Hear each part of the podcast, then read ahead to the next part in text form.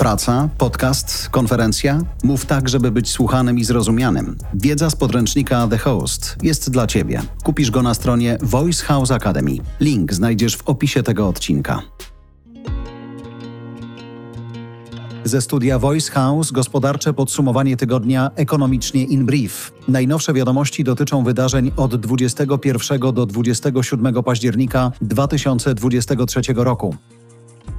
Wygląda na to, że zaczyna nam się powoli ożywienie w gospodarce. Według większości ekonomistów nasz PKB w trzecim kwartale będzie na plusie. Urośnie wprawdzie minimalnie, bo zapewne o niecałe 0,5%, ale to i tak będzie istotna zmiana, bo w pierwszym i drugim kwartale mieliśmy spadki. Z danych, które pojawiły się w ostatnich dniach wynika, że wynagrodzenia w firmach realnie rosną o ponad 2% w skali roku. Sprzedaż detaliczna jeszcze nieco spada, ale zdecydowanie mniej od oczekiwań. Dość szybko zaczęła rosnąć podaż pieniądza w gospodarce, a produkcja budowlana urosła nawet o 11,5%. Wszystko to sugeruje ożywienie, które byłoby świetną wiadomością także w kontekście budżetowym. Oznaczałoby szybszy wzrost dochodów podatkowych i łatwiejsze ograniczanie deficytu w budżecie. Z drugiej strony, ożywienie gospodarcze to zwykle efekt wzrostu popytu w gospodarce, a ten sam wzrost popytu może też oznaczać ponowny wzrost presji inflacyjnej.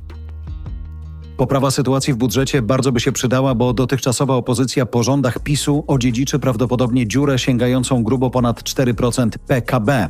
Według nowych danych Eurostatu już po drugim kwartale deficyt w całym sektorze finansów publicznych zbliżał się do 5% produktu krajowego brutto. Nowa władza na dużą dziurę w budżecie lubi publicznie narzekać, ale prawdopodobnie sama ją dodatkowo znacząco powiększy. Izabela Leszczyna z Platformy Obywatelskiej zapowiedziała, że nowy rząd Donalda Tuska, kiedy już powstanie, złoży autopoprawkę poprawkę do projektu przyszłorocznego budżetu, żeby wpisać tam zwiększenie kwoty wolnej w podatku PIT i podwyżki płac w budżetówce. Ekonomiści z City Handlowego wyliczyli, że tylko te dwa pomysły będą kosztować ponad 50 miliardów złotych. Realizacja wszystkich obietnic wyborczych powiększyłaby nam deficyt w sektorze publicznym może nawet do 7% PKB. Ewentualny dostęp do Unijnego Funduszu Odbudowy niewiele zmieni w tym kontekście, ponieważ po pierwsze środki te zostaną od razu wydane, czyli dochody będą się równać wydatkom, a po drugie jest to już uwzględnione w pisowskim projekcie budżetu. Zresztą sytuacja związana z unijnymi funduszami także jak na razie się nie zmienia. Donald Tusk pojechał do Brukseli, gdzie rozmawiał m.in. z szefową Komisji Europejskiej. Usłyszał od niej, że aby uzyskać pełen dostęp do Funduszu Odbudowy, Polska musi zrealizować swoje kamienie milowe, z których najważniejsze dotyczy sądownictwa.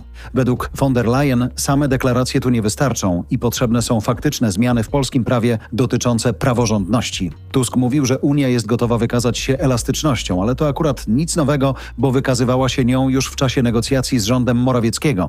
Istnieją ciągle szanse na to, żeby dostać część tych pieniędzy w ramach zaliczek bez realizacji żadnych kamieni milowych. Ale nowy rząd musiałby w najbliższych tygodniach szybko poprawiać dokumenty dla Brukseli, przygotowane wcześniej źle przez Morawieckiego. Tymczasem na razie nie wiadomo nawet kiedy ten rząd powstanie, bo tu sporo zależy od postawy prezydenta Andrzeja Dudy, więc te zaliczki to też na razie nic pewnego. Wakacje kredytowe miały być dla osób, które przez wzrost rat mają tak duże problemy finansowe, że za chwilę nie będą w stanie spłacać swoich kredytów. Teraz okazało się, że spora część tych, którzy z wakacji skorzystali, wykorzystała ten czas do zrobienia nadpłaty kapitału w ramach obsługiwania swoich kredytów.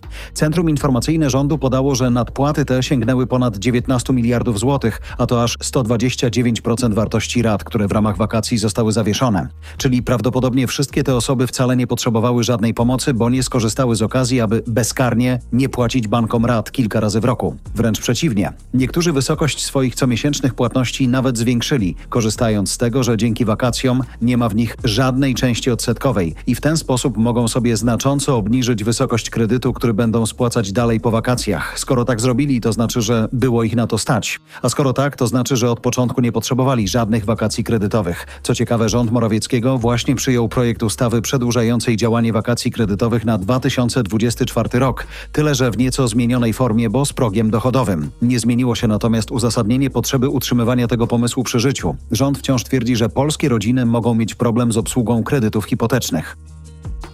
Ministerstwo Finansów ogłosiło, że od listopada obniża oprocentowanie obligacji detalicznych. Oznacza to, że jeśli ktoś chce kupić te obligacje z wyższym, dotychczasowym oprocentowaniem, ma na to czas tylko do końca października. Nowe oprocentowanie ma być o 25 punktów bazowych niższe, czyli papiery roczne dadzą już tylko 6,25%, a dwuletnie w pierwszym roku oszczędzania 6,5%.